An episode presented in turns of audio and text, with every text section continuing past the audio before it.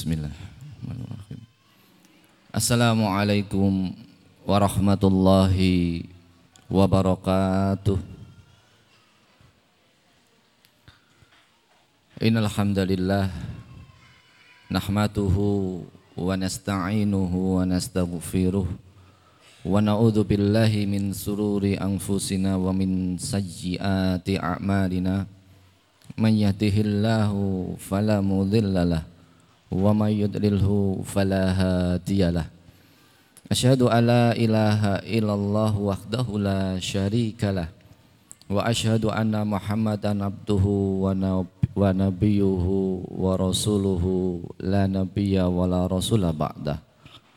Qala rabbi shrah li sadri wa yassir li amri wa hlul 'uqdatam min lisani yafqahu qawli. Rabbi zidni ilman warzuqni fahman. Allahumma la sahla illa ma ja'altahu sahla. Wa anta taj'alul hasna idza si'ta sahla. Allahumma salli ala Muhammad wa ala alihi wa sahbihi wa barik wa sallam. Ikhwanu fitin wa akhwatu fillah. Rahimani wa rahimakumullah. Alhamdulillah.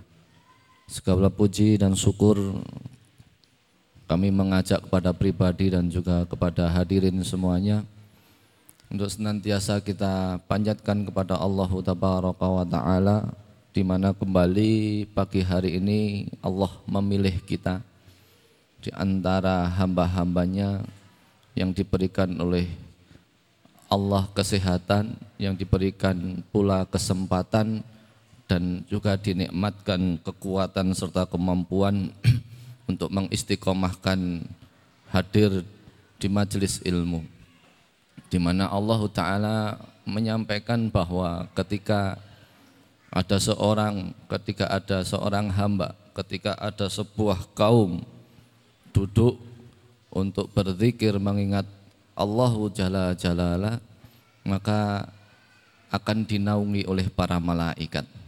Maka akan diturunkan kepadanya rahmat dan juga ketenangan dalam hatinya. Mudah-mudahan itu di antara nikmat yang akan Allah tambahkan untuk kita yang sudah meluangkan waktu, menghabiskan biaya untuk hadir ke majelis ini, maka mudah-mudahan kita di antara yang dinikmatkan oleh Allah semakin bertambah berkali lipat insya Allah. Salawat beriring salam Semoga terlimpah curahkan atas kutwah hasanah kita baginda Rasulullah Muhammad sallallahu alaihi wasallam. Salawat serta salam semoga senantiasa terlimpah curahkan pula atas keluarganya, para sahabat-sahabatnya, para tabi'in, tabi'ut tabi'in hingga seluruh umatnya yang senantiasa mengikuti sunnahnya yang memperjuangkan dengan kemampuan terbaiknya apa yang menjadi risalahnya dan mudah-mudahan di antaranya adalah kita dan mudah-mudahan menghantarkan kita kelak mendapatkan syafaatnya di yaumul akhir nanti. Allahumma amin. Ikhwanu fidin wa akhwatu fillah rahimani wa rahimakumullah. Berbahagia kembali pagi hari ini saya bisa menyambut panjenengan semua dalam keadaan yang Alhamdulillah penuh dengan kenikmatan. Baik suasananya sangat mendukung cukup lumayan cerah dan hangat. Alhamdulillah tidak terlalu dingin dan Alhamdulillah saya dan panjenengan semua dianugerahkan kesehatan. Walaupun al tadi pagi kayaknya saya nggak bisa bersama-sama panjenengan di sini karena kurang fit tapi ternyata semakin bertambah siang alhamdulillah ternyata Allah nikmatkan kepada saya mampu bersama-sama panjenengan di majelis ini yang mudah-mudahan ini adalah ikhtiar kita untuk mendapatkan nikmat dari Allah berupa rizki ilmu. Ini adalah ikhtiar kita untuk mendapatkan nikmat dari Allah rizki kefahaman dan mudah-mudahan bisa menghantarkan kita di dalam amal solih amal solih yang mudah-mudahan di antara amal solih yang terus kita tingkatkan dan Allah terima. Maka forum kali ini kita senantiasa mengupayakan dan mengusahakan untuk diistiqomahkan karena perkara ini yang di antara perkara yang tidak mudah. Ya, tapi alhamdulillah kita semua akan berusaha. Mudah-mudahan Allah akan memampukan kita mengagendakan waktu di Ahad pagi bersama-sama di majelis Ahad pagi di rumah Tafid Zabisa Putra di Kelurahan Manding Kecamatan Temanggung insya Allah. Ikhwanu fitin wa akhwatu fillah rahimani wa rahimakumullah. Maka kami mewakili tuan rumah mengucapkan selamat datang sugeng rawuh kepada panjenengan semua. Mudah-mudahan kehadiran panjenengan semua menambah keberkahan majelis ini dan kami mohon maaf manakala masih banyak kekurangan dalam penyambutannya dalam memberikan tempat maupun suguhan. Mudah-mudahan dengan doa-doa panjenengan di waktu-waktu yang akan datang semakin dimampukan bisa lebih baik lagi insya Allah tentu kami mewakili tuan rumah juga sangat berterima kasih panjenengan yang terus ber sama-sama dengan kami membersamai program-program kami, memberikan donasi, memberikan kontribusi secara nyata kepada kami, maka kami semua mewakili seluruh jajaran Yayasan Subul Salam Nusantara, keluarga besar Rumah Penghafal Al-Quran Jabisa, mengucapkan jazakumullahu khairan katsiran. Barakallahu fi ahlikum wa malikum ajarakumullahu fima a'taitum wa barakallahu fima abqaitum wa ja'alahu lakum tahuran insyaallah. Semoga apa yang panjenengan kontribusikan dipahalai oleh Allah dengan pahala yang sempurna.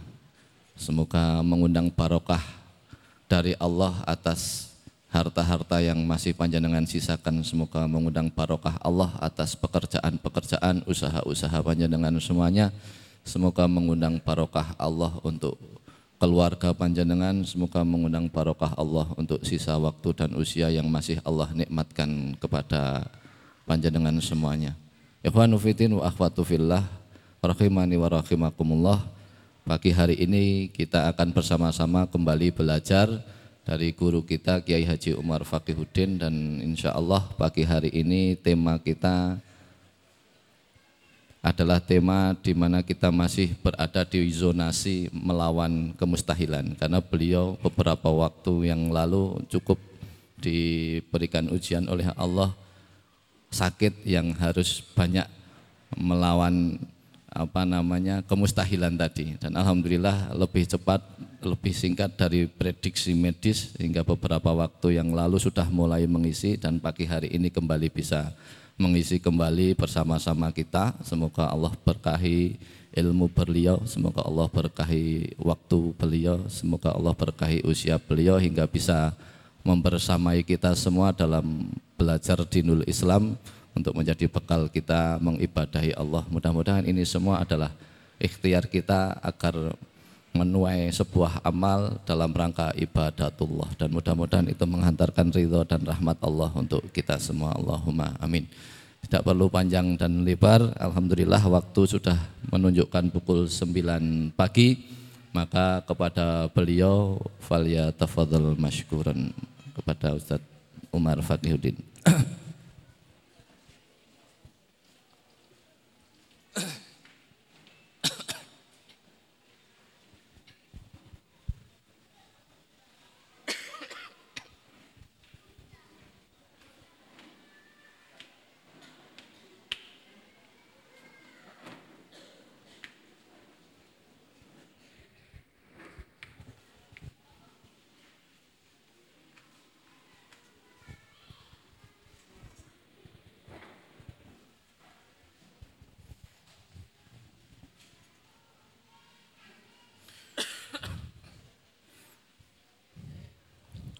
Bismillahirrahmanirrahim.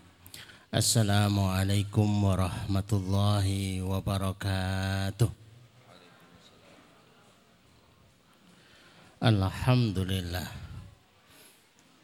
Nahmaduhu wa nasta'inuhu wa nastaghfiruh wa nastahdih wa na'udzu min syururi anfusina wa min sayyiati a'malina من يهده الله فلا مضل له ومن يضلل فلا هادي له نشهد أن لا إله إلا الله ونشهد أن محمدا عبده ونبيه ورسوله لا نبي ولا رسول بعده اللهم اشرح صدورنا وتزوج عن سيئاتنا وهب لنا فهم الأنبياء والمرسلين Wahab lana fahma salafus salih. Allahumma bima alam tanawa alimna ma yang fauna wa zidna ilman. Wa na'udhu billahi min ahwali ahli nar. Allahumma la sahla illa ma ja'atahu sahla. Wa anta taz'alul hazna idha syi'ta sahla. Rabbi syrah li sadari wa yasir li amri wa hlul uqdatan milisani Yafkuhu qawli rabbi zidna ilma. Subhanaka la ilma lana illa ma'alam tana innaka antal alimul hakim. Rabbana atina min ladunka rahmah Wahai lana min amrina rasada. Amma ba'd Bapak Ibu yang semoga dirahmati Allah.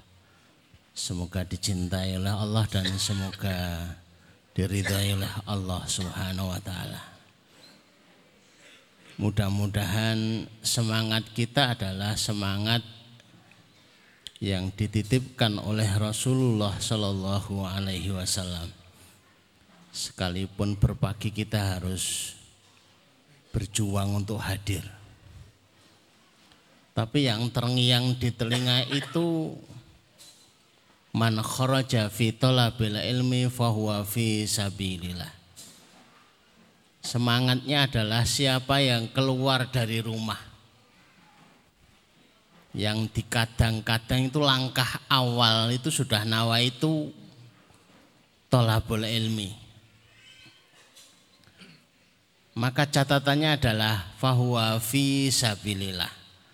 Lelah lelahnya fi sabilillah. Biaya yang dikeluarkan ya biaya yang dihitung fi sabilillah dan itu durasinya terhitung hatta yarjia sampai ia kembali ke rumah masing-masing. Bapak dan Ibu yang dirahmati Allah, pagi ini kita masih dalam tema melawan kemustahilan. Sesuatu yang kadang-kadang kita berhadapan seakan tembok besar. Merasa itu adalah mustahil, mustahil merasa itu enggak mungkin. Tapi sebuah fakta ini mengingatkan kita. Coba slide-nya kita lihat ya. Kalau panjenengan merasa sebuah kemustahilan, fakta ini pernah hadir jauh tahun sebelum kita itu sebagai sebuah kemustahilan. Yang pertama 22 tahun merubah dunia.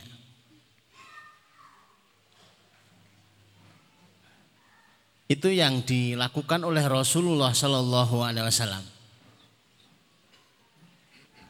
Kalau dipikir ya mumet juga itu. Dalam waktu 22 tahun harus bisa menyampaikan risalah, risalah seluruh dunia, di mana transportasi tercanggih hari itu itu hanya onta. Onta tercanggih hari ini itu masih kayu, sepeda. Itu Rasulullah sudah dikasih PR kayak begitu. Yang kedua adalah fakta enam tahun. Sebenarnya dalam sabda Rasulullah itu tidak secara langsung tapi di dalamnya itu adalah sebuah pesan. Konstantinopel itu akan ditaklukkan oleh sebuah pasukan. Sebaik-baik pasukan adalah pasukan itu dan sebaik-baik panglima adalah panglima itu. Maknanya itu sebuah sindiran bagi kita. hendaklah kalian menjadi sebaik-baik pasukan, hendaklah kalian menjadi sebaik-baik panglima. Karena waktu itu kalau dipikir stres itu sudah sangat stres. Konstantinopel itu 100 tahun berusaha untuk ditaklukkan. Tapi tidak takluk. Hampir semua panglima itu dikirim. Habis saking tangguhnya Konstantinopel atau mungkin saking angkuhnya benteng yang luar biasa itu lapis delapan tingginya 25 tapi begitu terhenyak setelah enam tahun dari waktu itu itu tiba-tiba ada pengumuman Konstantinopel ditaklukkan yang naklukkan itu bukan sosok pemuda Tapi kalau hari ini itu ya bocah cilik gitu loh. Usianya 21 tahun. Dan Islam ini sudah berhasil sejak dulu. Dan itu diakui untuk menghasilkan generasi cemerlang. Kalau bapak dan ibu yang dirahmati Allah itu diberikan oleh Allah rezeki berkunjung ke Madinah, maka akan menyaksikan di belakang Masjid Nabawi itu ada kuburan. Pikirnya akan ada ribuan makam. Tapi kita kecewa. Ternyata kuburan sahabat yang di belakang Masjid Nabawi itu cuma 300 saja. Ini ke mana gitu loh. Yang ditemukan cuma 300 makam saja. Ternyata sahabat-sahabat Rasulullah itu bertebaran di seluruh dunia. Saat bin Abi Waqqas itu sampai di Cina. Amr bin As itu di Mesir. Ada yang di Madain, ada yang di Hijaz dan lain sebagainya. Bahkan abad ke-6 Hijriah, sahabat Ali bin Abi Thalib itu dalam sejarah itu sudah sampai Jepara. Ini prestasi yang luar biasa, baik secara prestasi keadaan dan secara prestasi semangat.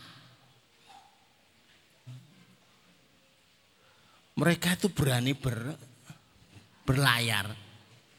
Padahal mereka itu terlahir dalam keadaan padang pasir.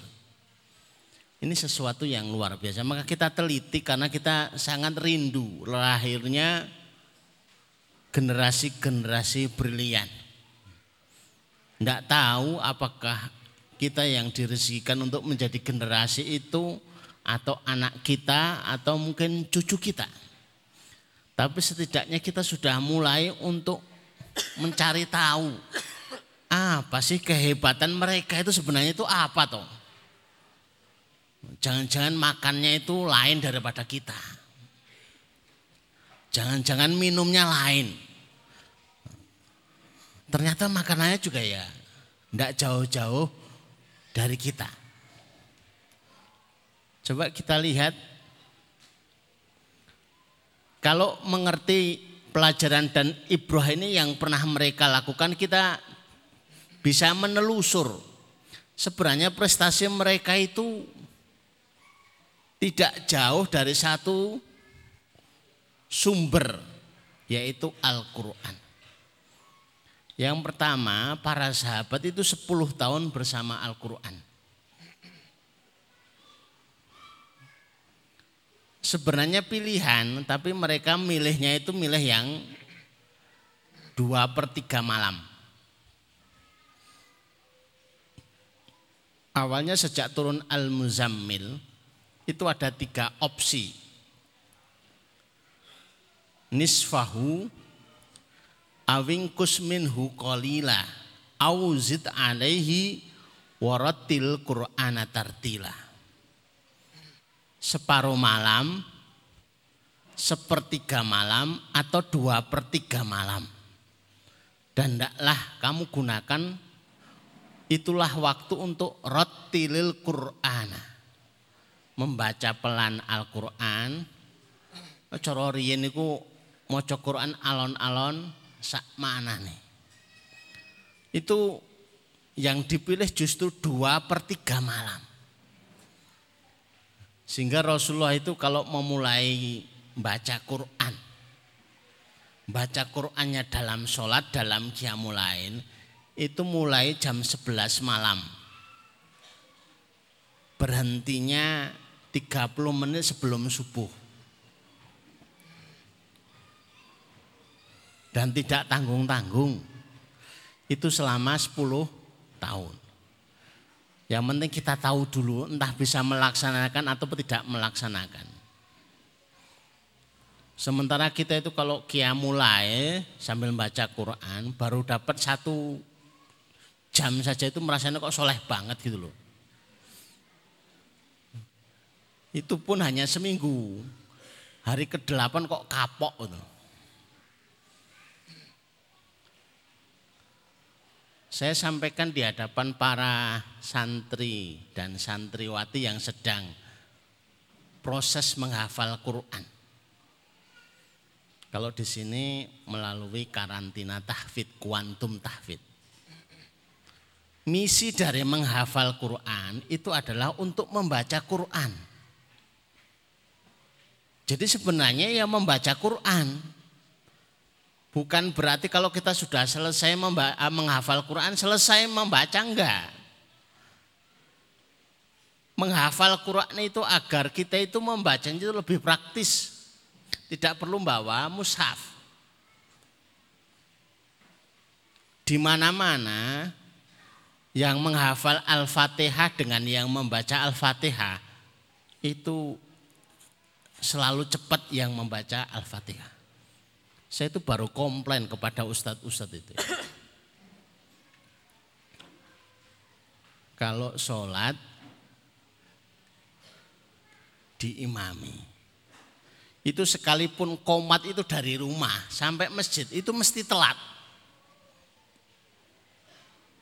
Saya tambah gerakannya, yo telat.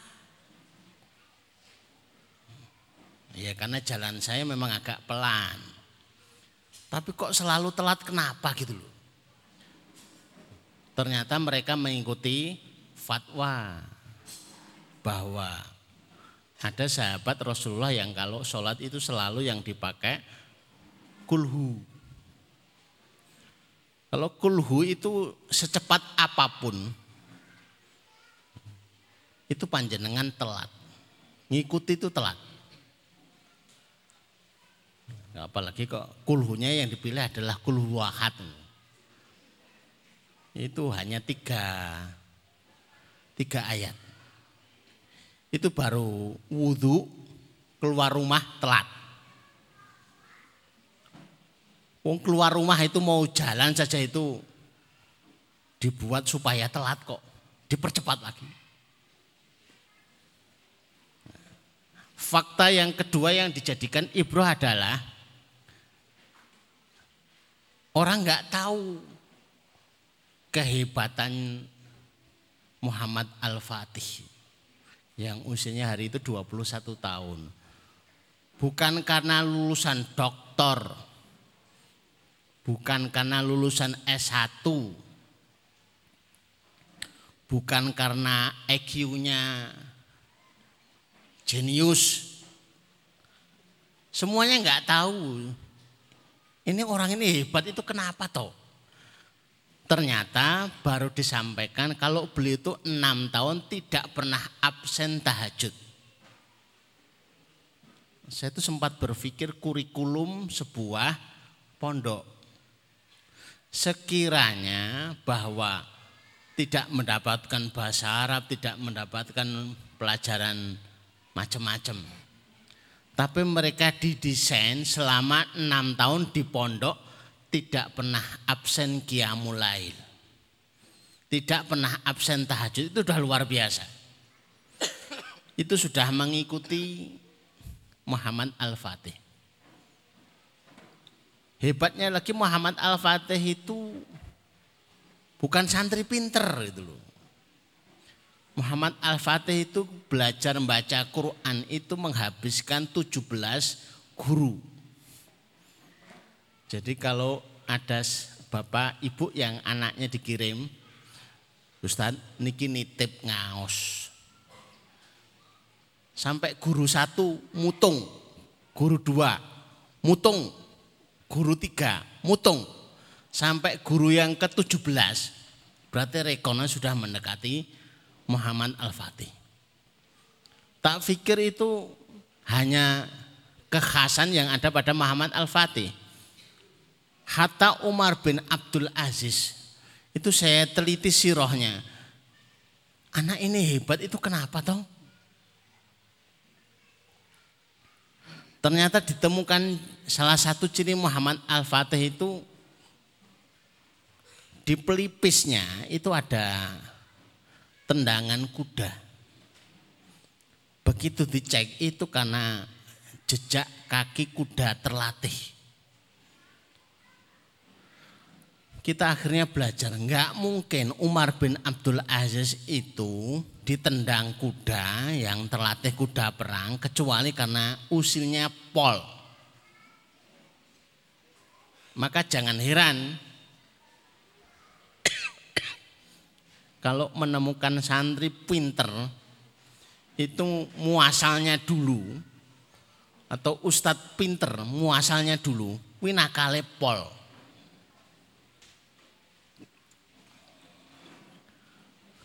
Sampai kami dulu tuh sudah dipeseni sama kakak. Pokoknya anakmu nakal ojo diseneni. Lane apa? Kue mbiyen luweh parah. Nakale pol ada potensi yang tersimpan. potensi nakalnya itu loh tersimpan. Tapi kalau ketemu pola bagaimana mengarahkan kenakalannya itu tidak kepada kenakalan yang yang kita apa itu kita pikirkan. Nakalnya di pelajaran, nakalnya di hafalan, nakalnya di nalar dan lain sebagainya itu ketemu udah luar biasa. Ada fakta yang ketiga adalah 4000 kali khatam di rumah. Ini prestasi Al-Imam Asy-Syafi'i rahimahullah taala tidak saya tuliskan tapi di situ itu itu prestasi Al-Imam Asy-Syafi'i rahimahullah taala. Ketika mendekati ajal itu dibacakan Al-Qur'an sama putrinya. Pikir putrinya ini menolong bapaknya, tapi malah ditegur sama bapaknya. Alah nduk, nduk. Bapak itu sudah menghatamkan 4000 kali khatam di rumah. Belum di sekolahan, belum di tempat lain. Itu khusus untuk menyambut sakaratul maut. Jadi persiapan putrinya Muhammad, apa putrinya Iwal Imam Syafi'i itu telat itu loh. Maksudnya begitu.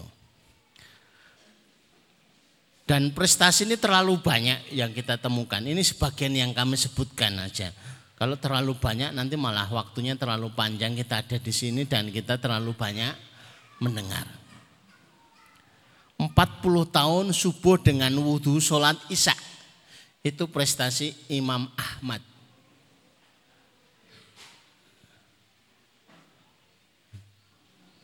Ternyata luar biasa. 40 tahun mendengar adzan di masjid.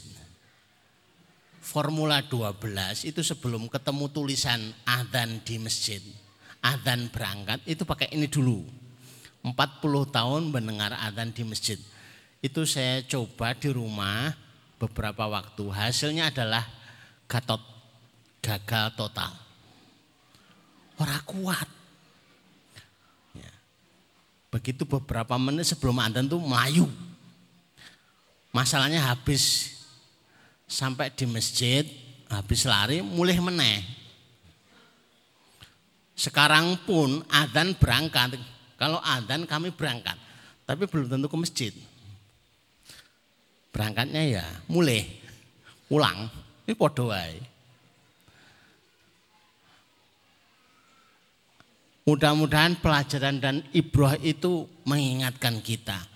Kita ini tidak akan jauh-jauh dari Al-Quran.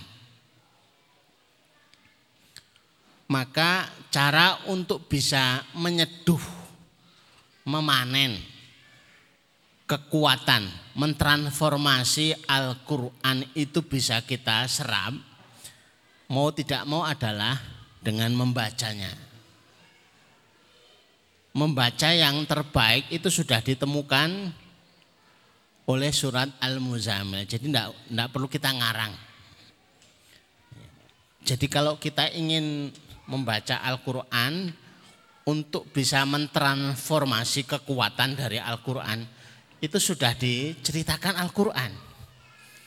Inna nasyi'atal laili hiya asadwat awwa akwa mukila. Waktunya ba'da isya sampai subuh. Itu waktu yang luar biasa. Dari sinilah para mufassirin itu menyebutkan tilawah ba'da isya itu lebih utama daripada tilawah siang hari. Karena ada kaidahnya tilawah ba'da isya sampai subuh itu asad duat awwa akwa mukila. Lebih berpengaruh dan lebih membekas. Alangkah lebih baik kalau kita hafal Quran, tapi kalau belum hafal Quran ya wis moco lah. Tapi itu bukan ideal. Sehingga tidak ada ceritanya kemudian Nah tujuannya membaca ngapain kita harus menghafal Quran. Menghafal dengan kesulitan kita menghafalnya itu, itu sebuah prestasi yang tersendiri. Maka ya Bapak Ibu walaupun usianya sudah 50, 60 dan berapapun tidak masalah menghafal Quran. Maka metode yang cocok untuk menghafal bagi yang sepuh itu adalah menghafal untuk tidak hafal. Kalau ditanya kepada para penghafal Quran, itu merasalah diri. Saya termasuk penghafal Quran. Yuswone pun seket tapi penghafal Quran. Pun hafal apa dereng? Ya dereng. Tapi menghafal Quran. Hafal atau belum? Belum. Jadi proses untuk menghafal, menghafal, menghafal, menghafal walaupun ujungnya itu tidak hafal. Karena repotnya kita yang usia-usia 50 nun sewu, ada peserta kuantum karantina tahfid itu yang ikut usianya sekitar 50-an. Itu kalau satu bulan, kalau santri itu hafal 5 juz, 7 juz, itu beli itu hafal satu juz. Yang dihindari adalah turun dari tangga. Karena kalau turun dari tangga itu rontok hafalannya. Saya belum ketemu kaidah ini. Ini kok aneh. Masa mudun dari tangga itu rontok gitu loh. Wis goyang hafalannya. Ini kok aneh gitu. Ada apa gitu loh. Maka semenjak dia itu di karantina tahfid, itu jarang turun dari tangga. Alhamdulillah di lantai dua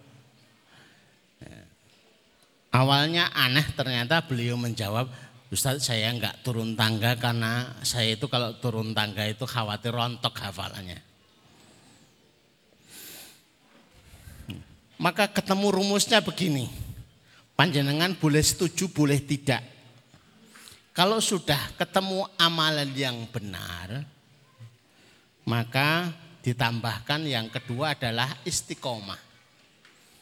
Wudhu kalau ketemu yang benar diistiqomahkan itu juga luar biasa. Bilal itu terompah kakinya itu orangnya masih di dunia tapi terdengar di surga. Itu prestasinya apa? Wudhu. Tapi setiap wudhu, habis wudhu, sholat. Habis wudhu, sholat. Itu kan sepele banget. Nah, semua yang di kitabullah dan semua yang di hadis itu benar. Kalau sudah menemukan benar, maka targetkan istiqomah. Abu Bakar itu prestasinya kami cari. Sebenarnya istimewanya beli itu apa toh? Ternyata prestasinya sejak kenal sholat berjamaah, beliau tidak pernah tertinggal takbiratul ikram. Cuma tidak tertinggal takbiratul ikram, itu kan cuma satu dan itu sepele. Tapi luar biasa. Maka mereka yang ingin mencari jalan untuk menjadi wali Allah, sebenarnya ketemu hadisnya itu sepele. Wa ma abdi bisyai'in ahabbu ilayya mimma iftaratu alaih. Tidak ada cara yang paling bukan yang paling dekat tapi paling dekat kepada Allah itu melebihi dengan yang difardukan oleh Allah. Apa pun yang difardukan itu istimewa. Maka alih-alih untuk memperbaiki kualitas diri untuk dekat kepada Allah, menambah duhanya 12 rekaan, menambah tahajudnya. Itu bagus, itu cara untuk mendekatkan diri kepada Allah. Tapi ternyata ada yang lebih bagus lagi. Apa itu? Yang wajib dibuat istimewa lagi. Lima menit sebelum adzan duhur sudah di masjid itu lebih istimewa. 10 menit sebelum adzan subuh itu lebih istimewa. Sehingga dulu itu berapa banyak literasi yang ditemukan para sahabat itu banyak yang standby untuk di masjid untuk mengejar yang wajib. Karena demi mendengar hadis Rasulullah ingtidharus sholah ila sholah menunggu sholat sampai menunggu sholat selanjutnya itu dihitung sholat. Kalau kita itu satu jam sebelum duhur itu sudah nunggu. Padahal nunggunya itu sambil dengar pengajian itu sudah dihitung sholat. Lawang duduk kok sholat. Hitungannya. Lawang nyantai nyoto. Lah kok hitungannya sholat. Yang punya hitungan itu Allah bukan kita. Kita cuma dengar saja. Kalau itu dihitung pahala maka itu adalah pahala. Kalau itu dihitung adalah sebuah keutamaan itulah keutamaan. Jadi tidak ada ngarang-ngarangan. Istilah itu sudah ada semua. Maka rumus itu sederhana. Benar ditambahkan dengan istiqomah saya ketemu dengan seorang ibu-ibu yang diselamatkan dari gempa di Lombok. Bu, jenengan itu amalannya apa? Barangkali kita bisa belajar sesuatu pada beliau. Beliau menyampaikan kami itu mendawamkan zikir bangun tidur. Tapi selama dua tahun tidak pernah absen. Bapak dan Ibu cuma sepele doa bangun tidur. Tapi memastikan dua tahun tidak absen. Doa bangun tidur bunyinya apa ibu-ibu? Atau bapak-bapak boleh.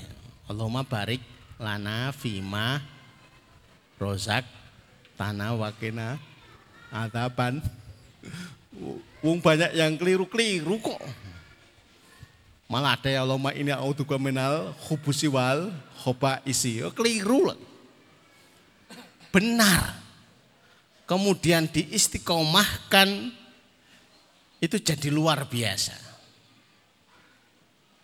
Maka bagi bapak-bapak dan ibu-ibu kalau membaca surat apa itu? Yang usianya 40 tahun. Walama balago arba'ina sana.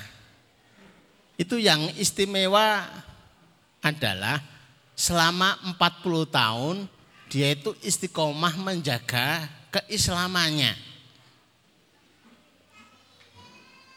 Apalagi diteruskan sampai 50 tahun.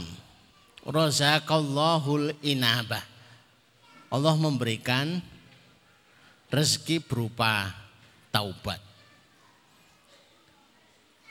Kalau sampai itu dijaga keislamannya,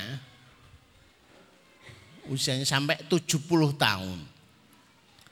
Itu yang diberikan oleh Allah itu beda lagi. Tazawazahu akan diampuni dosa-dosanya. Seiring dengan usia yang berlanjut sampai 70 tahun tapi dia istiqomah, maka kesalahan-kesalahan itu juga akan diampuni oleh Allah Subhanahu wa taala.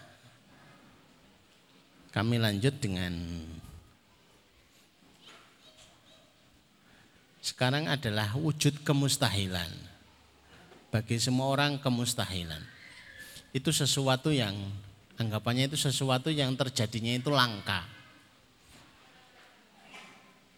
Dulu kemustahilan itu diterjemahkan dengan mukjizat.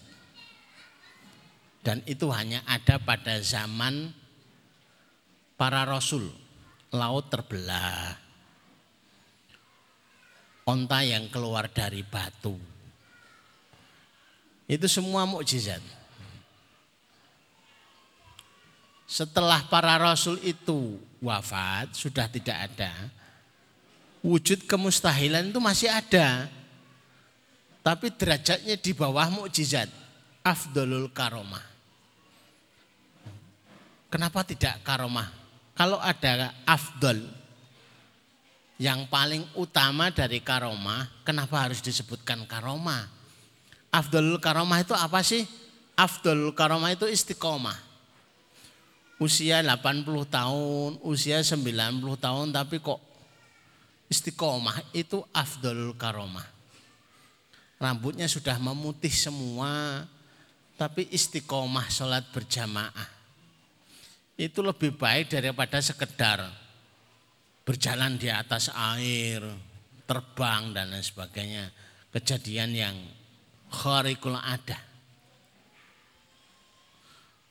Yang ketiga, wujud kemustahilan itu adalah terjadi pada wali Allah. Seseorang yang melazimi, merutinkan, mengistiqomahkan yang wajib itu diistiqomahkan kemudian dia itu merutinkan yang sunnah ditambah yang sunnah, yang sunnah, yang sunnah. Nanti resikonya itu jadi wali Allah. Jadi untuk menjadi wali Allah itu lebih sederhana daripada yang pernah dibayangkan oleh seseorang. Ini kudu kiai, kudu habib, harus enggak.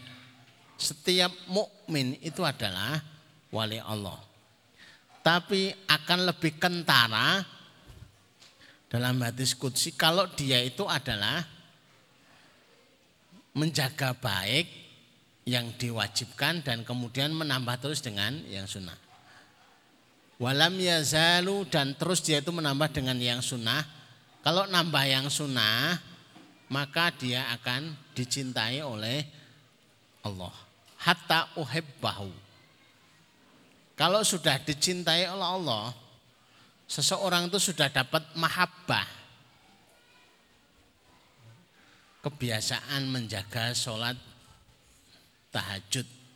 Itu dapatnya mahabbah. Kalau sudah dapat mahabbah, dapatnya itu adalah ma'iyah. Dibersamai oleh Allah. Wa idha ahbabtu kalau aku sudah mencintai kuntu aku akan menjadi pendengaran kuntu sama auladiyah yasma'u biha. Ketika mendengar ia itu dibantu dengan pendengaran Allah. Bukan dibantu dengan earphone. Dia itu dibuat mendengar apa yang tidak seharusnya dia dengar. Dia itu mendengar apa yang harus didengar. Dan puncaknya adalah yang selanjutnya Wa idza sa'alani. Puncaknya adalah kalau minta kapan pun dia itu minta, di mana pun dia itu minta dan apa pun yang diminta, fasilitas yang didapatkan la u'tiyanahu tidak hanya u'tiyahu aku akan kasih, tapi didahului dengan dua penguat. Yang pertama adalah la mutaukid, yang kedua adalah nunu taukid as Berarti kuat banget. Kalau diterjemahkan pasti, pasti, pasti aku akan kasih. Setiap doanya itu mustajab. La nahu, pasti pasti aku akan kasih.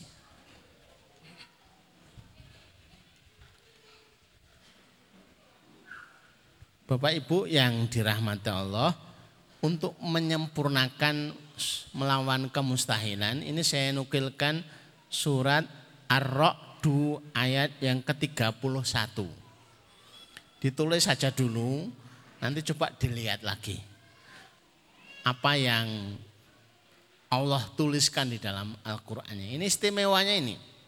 Walau anna Qur'anan suyirat bihil jibal au kutiat bil ard au kullima bihil mauta balillahil amru jami'a afalam yai asil ladina amanu alau yasa Allah lahadan nasa jami'a wala yazalu ladina kafaru nasibuhum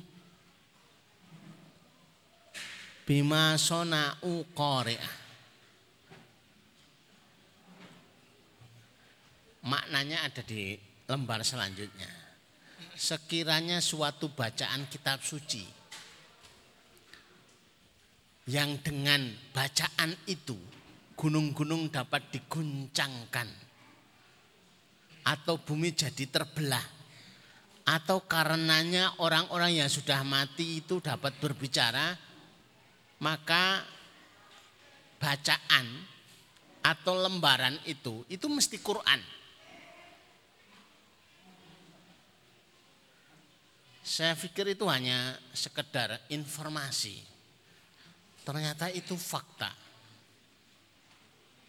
Mosok membaca akan Al-Quran kok bisa membuat gunung bergetar, terbelah. Ternyata itu fakta. Kalau dulu lautan itu terbelah di zaman Nabiullah Musa, itu disebabkan adalah mukjizat. Sesungguhnya mukjizat akhir zaman satu kali mukjizat tapi tidak akan berakhir itu ya Al-Qur'an.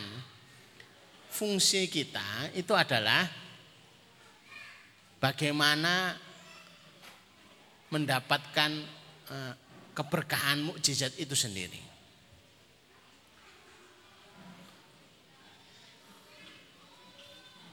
Maka ada beberapa yang saya minta one day five juice.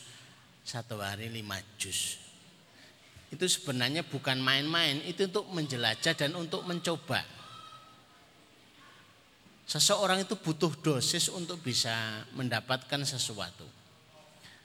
Dosen-dosen itu datang ke sini itu komplain. Saya itu yang ngaji Ustaz. Tapi kok enak pengaruhnya gitu loh. Saya tanya, ngajinya berapa lembar? Tiga lembar. Ya pantas. Ngajinya lima lembar itu baru ada pengaruhnya. Dari mana kami tahu tentang ukuran lima lembar itu? Eh, lima jus itu ya. Dan saya terangkan, kami mencobanya sudah 12 tahun. Awalnya kami nggak ngerti. Tapi ya kami coba. Mungkin seiring waktu di situlah kita mendapatkan sebuah uh, pengaruh mukjizat itu dalam kehidupan. Ternyata memang betul. Tilawah lima juz. Kami cerita insya Allah tahun depan kami haji.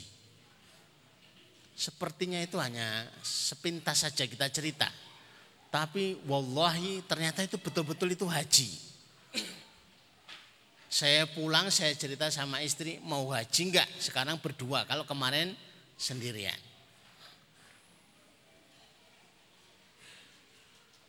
Tapi syaratnya adalah tilawahnya lima juz.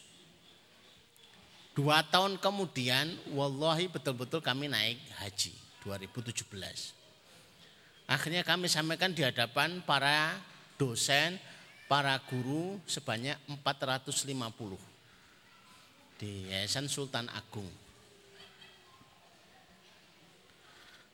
Habis kami sampaikan itu para guru-guru itu marah sama. Kayak begini kok nggak disampaikan sejak dulu. Bahwa saya dimarahi saya juga balas. Lo kok nggak tanya dari dulu? Sehingga ketua yayasan waktu itu dalamipun Purwodadi. Demi mendengar itu akhirnya dikembalikan mobil dinasnya. Dia memilih berangkat ke kantor itu naik bis. Padahal dari Purwodadi ke kantor itu butuh dua jam. Dua jam berangkat, dua jam pulang. Berangkatnya dua jam dapat dua jus, pulang juga dua jam dapat dua jus, yang satu jus di rumah. Saya tanya, Bapak, apa yang panjenengan dapatkan? Alhamdulillah. Kami dapat umroh gratis. Alhamdulillah. Anak-anak itu dapat beasiswa semua. Alhamdulillah. Panen apa ini? Panen salak ya sukses. Panen jambu kristal ya sukses. Cuma masalahnya kenapa Ustadz nggak nyampaikan dari dulu? Itu baru kami nyampaikan di majelis-majelis itu ya. Jangan mengira bahwa kami itu sudah menyampaikan dari dulu bukan. Kami menyampaikan itu ya barusan saja. Setelah terbukti, setelah ya membuktikan. Kalau sudah terbukti, membuktikan testimoni baru kemudian ngajak. Yuk praktek satu, praktek dua, praktek tiga. Alangkah berkahnya. Waktu itu kami hitung alangkah berkahnya kalau rumah-rumah itu diisi dengan tilawah setiap saat itu lima juz, lima juz. Memang berat. Lima juz itu memang berat. Tapi ternyata berpengaruhnya itu ya memang lima juz. Tiga lembar aja nggak ngangkat. Maka kita pakai yang lima juz. Nah, Bersama Al-Quran akan kita lawan kemustahilan. Kesulitan demi kesulitan sesuatu yang berapa banyak mengatakan itu mustahil, itu mustahil, itu mustahil, semuanya itu jadi jadi bisa dilawan. Tapi ada durasinya yaitu lima, lima juz, bukan hanya tiga lembar. Bapak Ibu yang dirahmati Allah, kalau di sini baru tahun kemarin Ramadan itu kita coba untuk one day one juice. Itu temanya juga melawan kemustahilan karena kita punya cita-cita ingin membuka cabang itu 50 cabang selama lima tahun ke depan. Membuka 50 cabang selama lima tahun itu kemustahilan. Kalau tidak punya senjata untuk melawan agar terjadi kemustahilan itu sulit maka kita gunakan untuk one day one khatam. Itu muasalnya. Bapak Ibu yang dirahmati Allah, mungkin sampai di sini saya cukupkan. Yang paling pokok adalah panjenengan tilawah one day five juz. Maka dibuat ada yang apa tuh Quran mujaza, Quran yang lima juz, uh, satu juzan itu ya itu untuk mudahnya kita apa tuh membaca Al-Qur'an. Maka kita akan bersama-sama membuktikan sehingga tidak menjadi sesuatu yang aneh. Oh ya ternyata benar. Ah kesuwen. Aku yo limang jus yo. Aku yo limang jus ya. Semakin banyak yang membuktikan, semakin banyak yang kemudian mendapatkan barokah dengan Quran. Sehingga kalimat-kalimat Ya Allah berkahi kami dengan Quran itu benar. Itu bukan hanya sekedar doa. Bukan hanya sekedar ucapan. Tapi benar. Al-Quran itu akan menjadi keberkahan di dalam kehidupan kita. Insya Allah. Demikian Bapak Ibu yang dirahmati Allah. ini sudah habis ya. Kalau tidak percaya ya tulisannya alhamdulillah. Itu berarti habis gitu ya. Kita ejek-ejek habis sudah ditulisnya alhamdulillah ya habis ya. Nah, nanti kalau ada yang ditanyakan monggo ada yang ingin di apa ini pengalaman. Kalau ada yang tanya, tapi sebelumnya saya sudah awali. Jangan tanya, saya baca satu juz saja kok ngantuk. Karena itu sama ceritanya. Saya ya sama. Saya baca lima juz tapi kok tekan-tekan podo. Memang ujiannya begitu. Orang di Temanggung, ndak di Semarang, ndak di Magelang podo wae. Wong setan iki podo. Kecuali setan sudah ganti identitas itu Itu hasilnya akan lebih beda. Wallahu a'lam bishawab.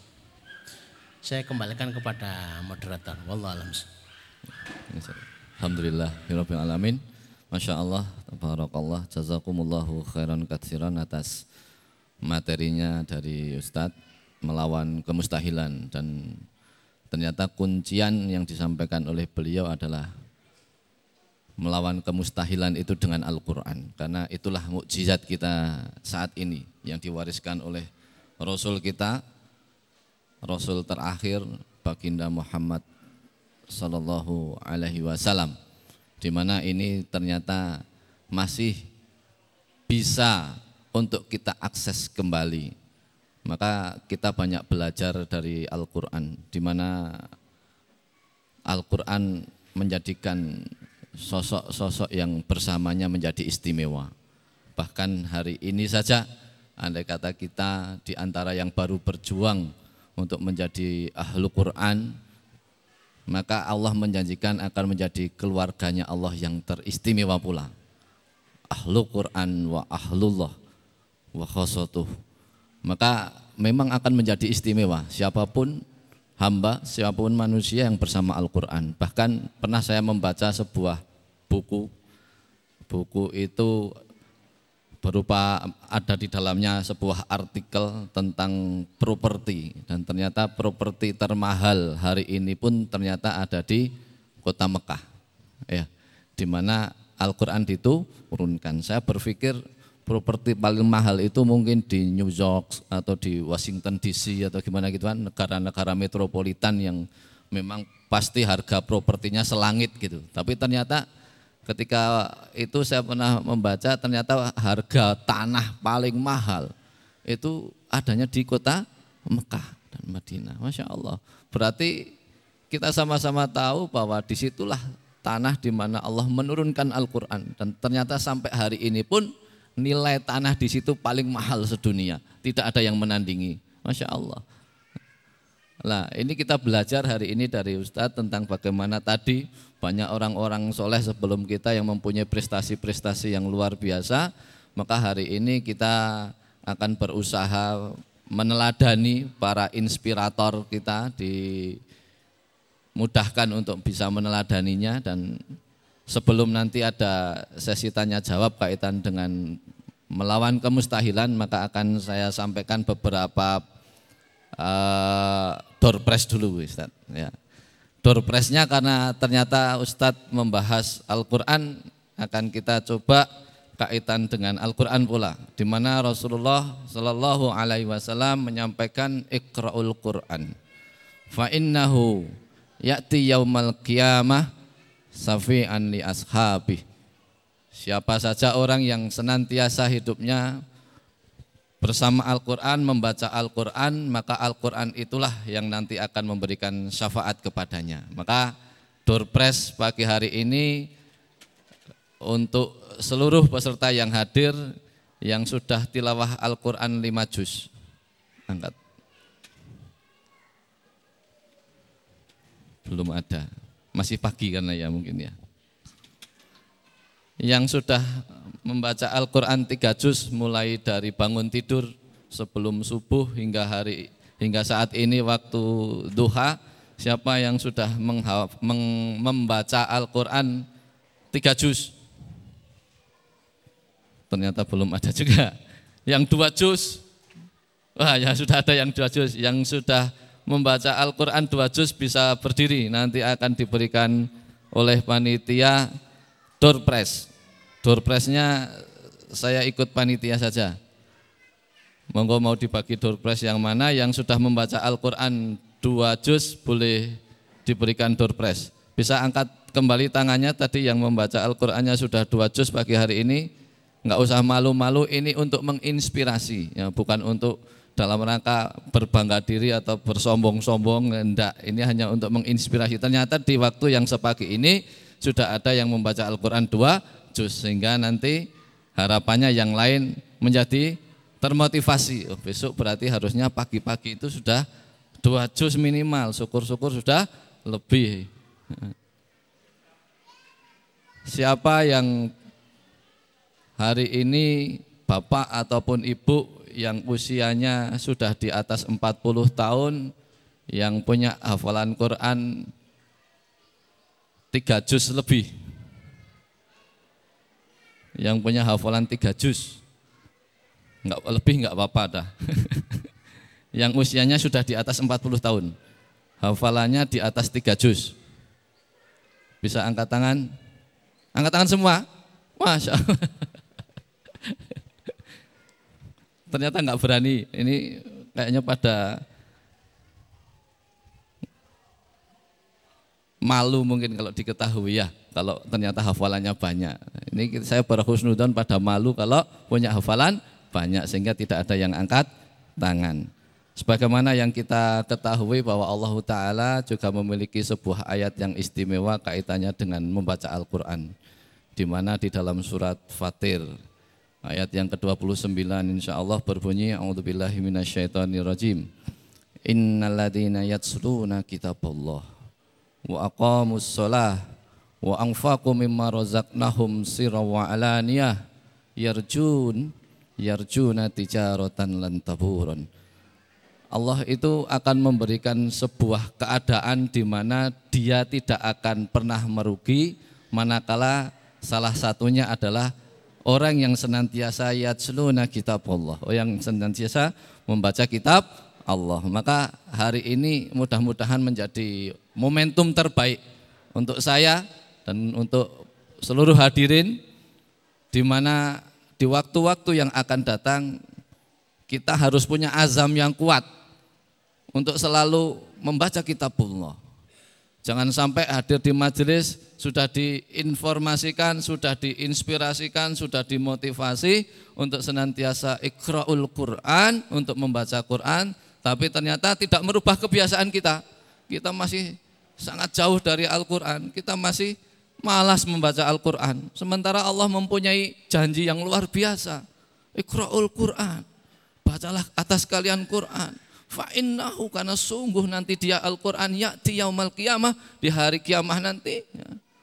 Safi'an li ashabi akan memberikan syafaat kepada kalian semua yang biasa membaca Al-Qur'an. Masa kita menjadi orang yang tidak bersemangat untuk mendapatkan syafaat Al-Qur'an di hari kiamat, di hari di mana setiap kita itu membutuhkan syafaat. Setiap kita itu merasa takut, setiap kita itu merasa khawatir dalam dosis yang tinggi.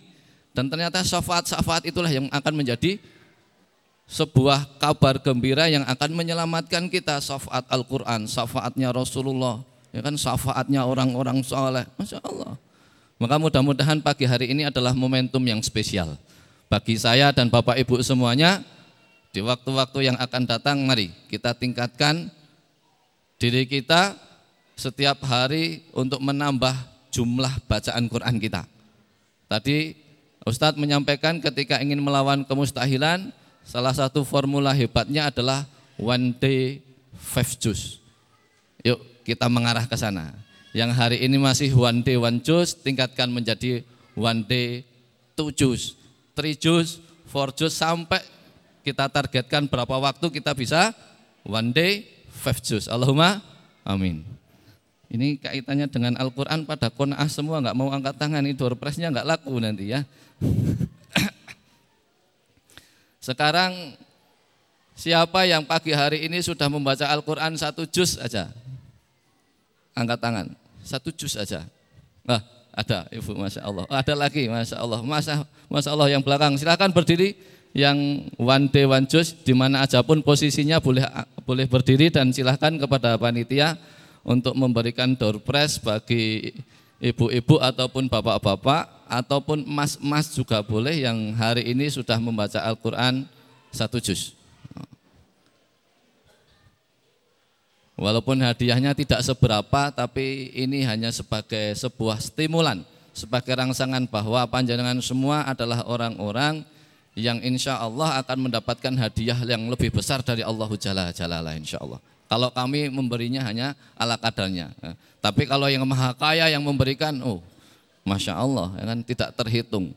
Saya sering kali beranalog ketika urusan dengan ikra'ul Quran. Karena salah satu fungsi Al-Quran itu di luar sebagai huda juga sebagai rahmah, sebagai bentuk kasih sayangnya Allah. Maka kita sama-sama mengetahui bahwa keutamaan Al-Quran satu hurufnya itu lebih baik daripada bernilai minimal 10 kebaikan. Maka ini sering kali saya sampaikan. Ya kan? Andai kata saya dan panjenengan ini harus membuat kebaikan dalam satu hari itu 30 kebaikan kepada sesama atau kepada eh, sesama kita dalam urusan muamalah. Ya kan? 30 kebaikan itu bukan perkara yang mudah. Coba andai kata kita harus praktek 30 kebaikan benar-benar itu dijalankan. Tetangga sebelah kanan kita ya kan dikirimin sayur, ya kan? Tetangga sebelah kiri kita ya kan dicucikan baju kotornya.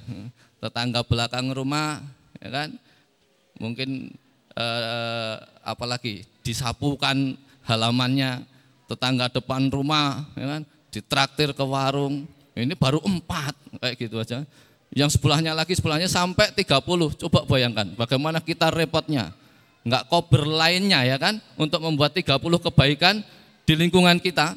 Kita praktekkan benar ya kan. Enggak enggak sempat untuk melakukan yang lainnya. Coba kalau kita tidak mendapatkan rahmat Allah dengan Al-Qur'an. Padahal dengan Al-Qur'an kita tinggal bisa bisa tinggal bisa uh, baca begini. A'udzubillahi alif lam mim. Ya kan? Ini tiga huruf ini. 30 ikan butuh waktu berapa lama? Ada lima menit? Enggak ada. Adakah saya berkeringat dengan membaca alif lam mim? Coba kalau 30 kebaikan itu dilakukan. Tadi ono sik dipelke, ono sik diumbah-umbahke, ono sik diteri jangan, ono sik di macam-macam. Uh, panjenengan dan saya bakal bios urung rampung itu, ya kan? untuk membuat 30 kebaikan. Maka maha baiknya Allah meminta kita untuk tilawah Quran karena ini sebagai investasi kebaikan di sisi Allah. Coba kalau satu hari bisa five juz. Alif lamim saja kalau misalnya kita harus berbuat kebaikan, kayaknya saya dan panjenengan nggak mampu. Maka satu lembar, dua lembar, tiga lembar itu ketika kita membaca dan kita mempunyai visualisasi bahwa berapa ribu kebaikan yang bisa hadir dari bacaan Quran ini. Ini sampai tidak menyemangati saya dan penjenengan, ini kayaknya ada sesuatu yang salah dalam keimanan kita ini. Kalau sampai tidak menyemangati kita bahwa kita butuh membaca Al-Quran itu, ada sesuatu yang salah kayaknya dengan keimanan kita. Maka mudah-mudahan ini menjadi koreksi untuk saya dan untuk Bapak Ibu semuanya yang hadir, mulai hari ini kita harus bersemangat dengan Al-Quran. Satu lembar, dua lembar, tiga lembar, empat lembar, sepuluh lembar, satu juz berarti kita baca di pagi hari minimal, ya kan? Menjelang siang kita tambah lagi satu juz. Di siang hari antara sholat, sebelum sholat dan setelah sholat satu juz lagi. Sore hari tambah lagi, apalagi bisa ditawamkan Tadi yang disampaikan oleh Ustadz sebaik-baik bacaan Quran itu adalah yang dilakukan mulai dari Ba'da Isya sampai waktu subuh. Mudah-mudahan kita dimampukan oleh Allah untuk bersemangat membaca Al-Quran. Mudah-mudahan dengan itu Allah jadikan kita menjadi hamba-hambanya yang istimewa. Diistimewakan di dunia dan juga nanti akan diistimewakan di akhirat nanti. Mendapatkan naungan ridho dan rahmatnya Allah Ta'ala. Allahumma Amin. Masih ada door prize-nya? Masih ada ya? Pagi hari ini pertanyaan berikutnya adalah siapa yang sudah berinfak pagi maksimal lebih daripada yang biasanya dilakukan. Pagi ini berbeda dengan pagi-pagi pagi sebelumnya. Pagi ini istimewa. Tidak saya sebutkan nilainya. Silahkan yang jenengan merasa pagi ini sudah melakukan infak pagi istimewa daripada hari-hari sebelumnya. Boleh angkat tangan. Oh, Masya Allah. Banyak. Alhamdulillah yang angkat tangan silahkan panitia untuk berikan door prize-nya. Semoga pagi hari ini jenengan telah memberikan sebuah kado istimewa untuk Allah dan Allah berikan yang jauh berkali lipat lebih istimewa. Allahumma amin. Kami hanya ikut berbahagia saja mendengarnya. Maka hanya bingkisan kecil yang bisa kami berikan mudah-mudahan itu semua menjadi tanda bahwa panjenengan semua akan mengistiqomahkan amalan-amalan yang istimewa. Allahumma amin. yang merasa tadi jangan sampai kelewat ada ibu-ibu sebelah belakang sana itu belakang dekat soto ada yang tunjuk tangan boleh disampaikan kepada beliau. Ada lagi yang merasa belum disampaikan door prize-nya? Boleh angkat tangan.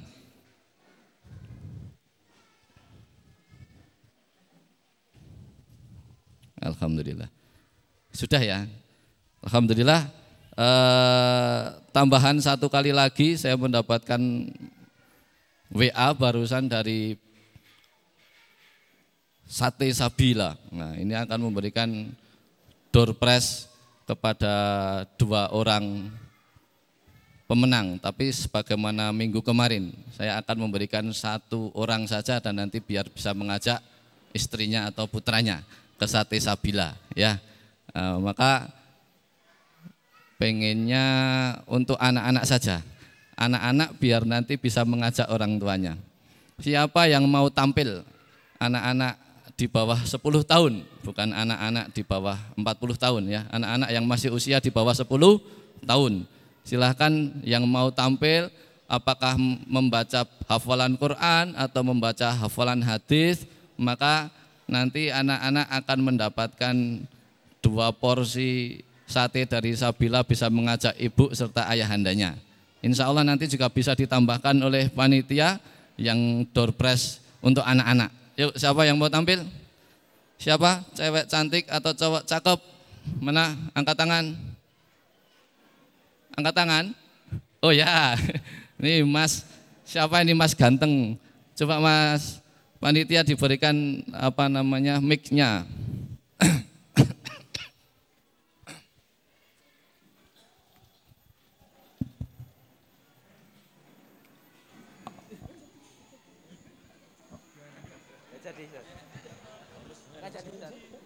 Nggak jadi. Kok nggak jadi gimana? Ada yang mau menggantikan? Oh itu mbak-mbak di belakang. Mbak-mbak kecil yang pakai kerudung apa itu biru ya sebelah kanan sebelah kanan silahkan mau tampil apa monggo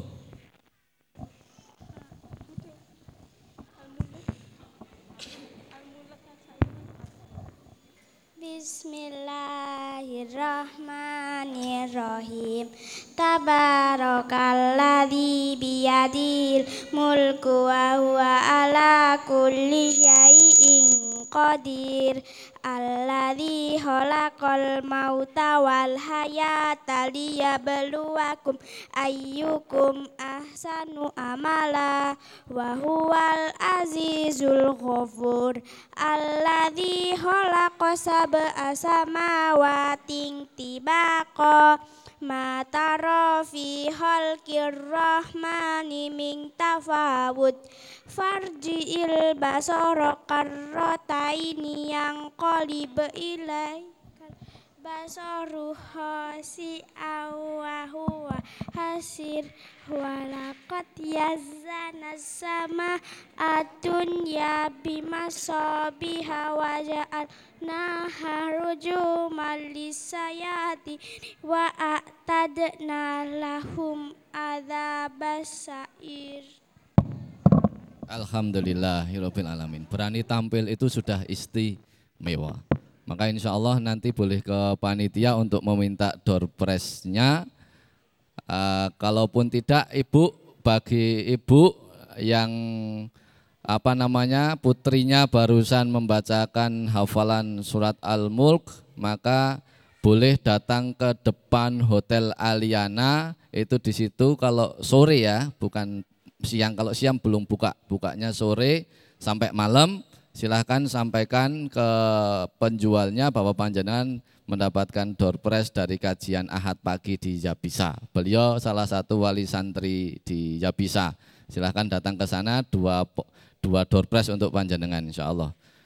E, karena waktu sudah jam 10 lebih sedikit maka sekarang menginjak seksi sesi pertanyaan. Satu pertanyaan saja boleh disampaikan kepada kami kaitan dengan materi yang tadi disampaikan oleh Ustadz Umar Fakihudin. Insya Allah nanti akan beliau sendiri yang menjawabnya. Monggo bagi Bapak atau Ibu yang ingin bertanya. Ibu yang tengah, yang silahkan Panitia sampaikan pengeras suara ke ibu yang berada di tengah yang mengangkat tangan. Fadal. Bismillahirrahmanirrahim. Assalamualaikum warahmatullahi wabarakatuh. Waalaikumsalam warahmatullahi wabarakatuh. Berkaitan dengan uh, one day one juice atau one day five juice atau selanjutnya. Kalau sebagai ikhwan atau laki-laki mungkin bisa melazimi untuk setiap harinya. Terus bagaimana jika dengan wanita yang uh, ada kalanya ada uh, udur seperti itu Ustaz, mohon penjelasannya. Apakah itu juga bisa digantikan dengan uh, seperti murotal atau apa itu bagaimana? Assalamualaikum warahmatullahi wabarakatuh. Waalaikumsalam warahmatullahi wabarakatuh. Oke, pertanyaan dari Ibu adalah melazimi one day five juice itu kalau bagi bapak-bapak atau kaum lelaki mungkin bisa istiqomah karena tidak ada udur atau penghalangnya. Sementara bagi ibu-ibu atau bagi akhwat, bagi perempuan tentu ada kondisi di mana tidak memungkinkan ketika mungkin ada gangguan, ada menstruasi dan seterusnya. Maka bagaimana mensikapi ini apakah bisa dengan murotal atau yang lain gitu nggih pertanyaannya. Fadal Ustaz, pertanyaan dari Ibu tadi. Bismillahirrahmanirrahim. Bagaimana kalau ibu-ibu yang pengen melazimi five juice tiap hari tapi ada halangan? Yang halangan tetap berhalangan. Tapi kebiasaan dan rutinitas lima jusnya kalau terhalang dengan halangan syarat itu tetap dihitung dengan lima jus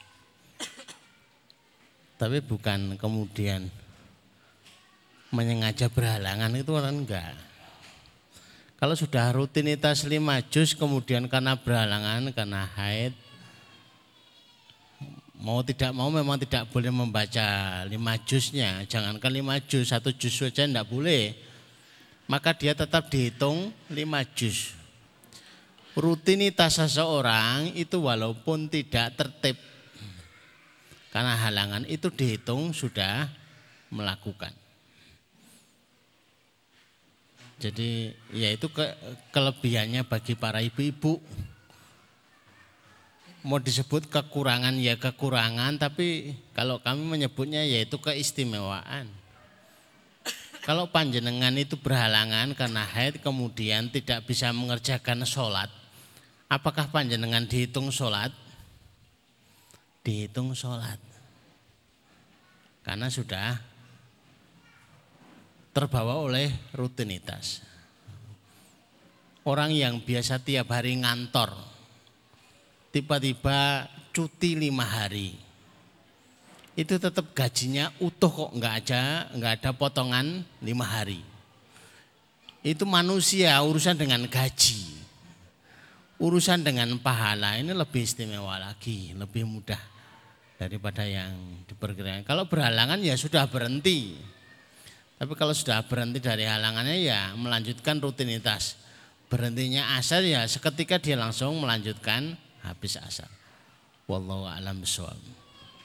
Itu nih.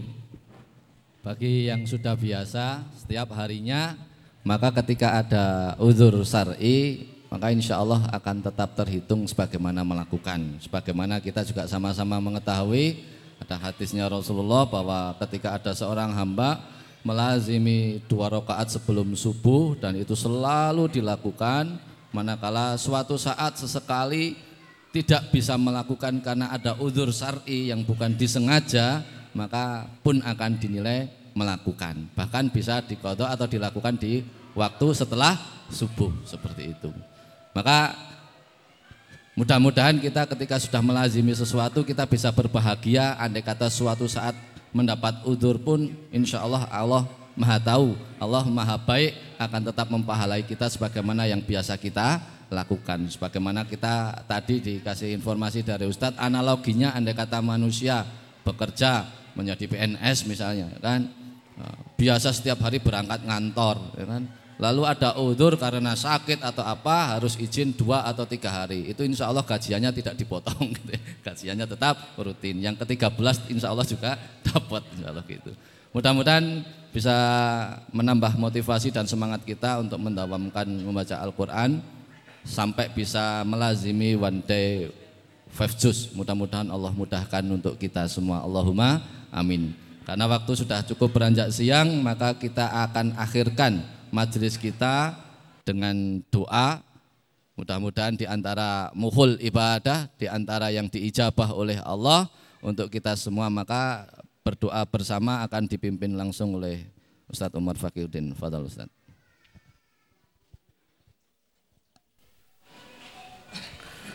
Bismillahirrahmanirrahim. Monggo Bapak Ibu yang dirahmati Allah kita akhiri majelis kita sekaligus suasana keberkahan ini tidak hilang tapi terkunci dengan doa kita. Bismillahirrahmanirrahim. Allahumma sholli ala Muhammad wa ala ali Muhammad kama shallaita ala Ibrahim wa ala ali Ibrahim innaka Hamidum Majid. Allahumma barik ala Muhammad wa ala ali Muhammad kama barakta ala Ibrahim wa ala ali Ibrahim fil alamin innaka Hamidum Majid.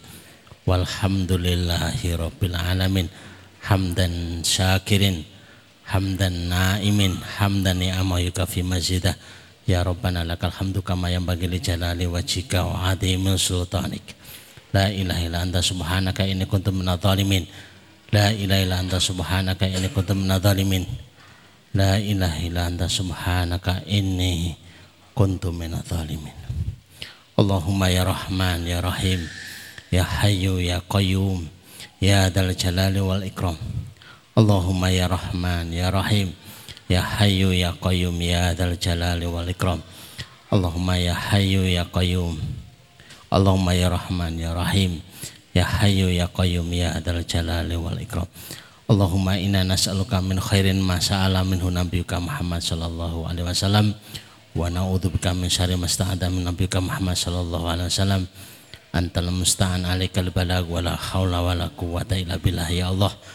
Sesungguhnya kami memohon seluruh kebaikan yang pernah diminta oleh Nabi kami sallallahu alaihi wasallam. Ya Allah sesungguhnya kami meminta perlindungan semua perlindungan yang pernah diminta oleh Nabi sallallahu alaihi wasallam. Ya Allah, engkaulah tempat kami meminta Ya Allah menyampaikan urusan. La khawla wa la quwata illa billah Allahumma inna nas'aluka amalan baran wa rizqan daran wa aisan wa qaran. Ya Allah anugerahkan kepada kami Amalan yang baik-baik Kehidupan yang tenang Kehidupan yang tentram Rezeki yang mengalir. La khawla wa la quwata illa billah. Allahumma Allahumma dzib hammana Allahumma dzib hammana Allahumma dzib hammana. Ya Allah angkatlah masalah-masalah kami. Ya Allah, angkatlah problematika kami. Ya Allah, angkatlah masalah-masalah kami ya Rabbal Alamin. Rabbana atina min ladunka rahmah wa hayyi lana min amrina rasada. Rabbana atina fid dunya hasanah wa fil akhirati hasanah wa qina adzabannar. Wa qina adzabannar wa qina adzabannar wa sallallahu ala Muhammadin wa ala ali wa sahbihi wasallam subhana rabbika rabbil izzati amma yasifun wa salamun al mursalin walhamdulillahi rabbil alamin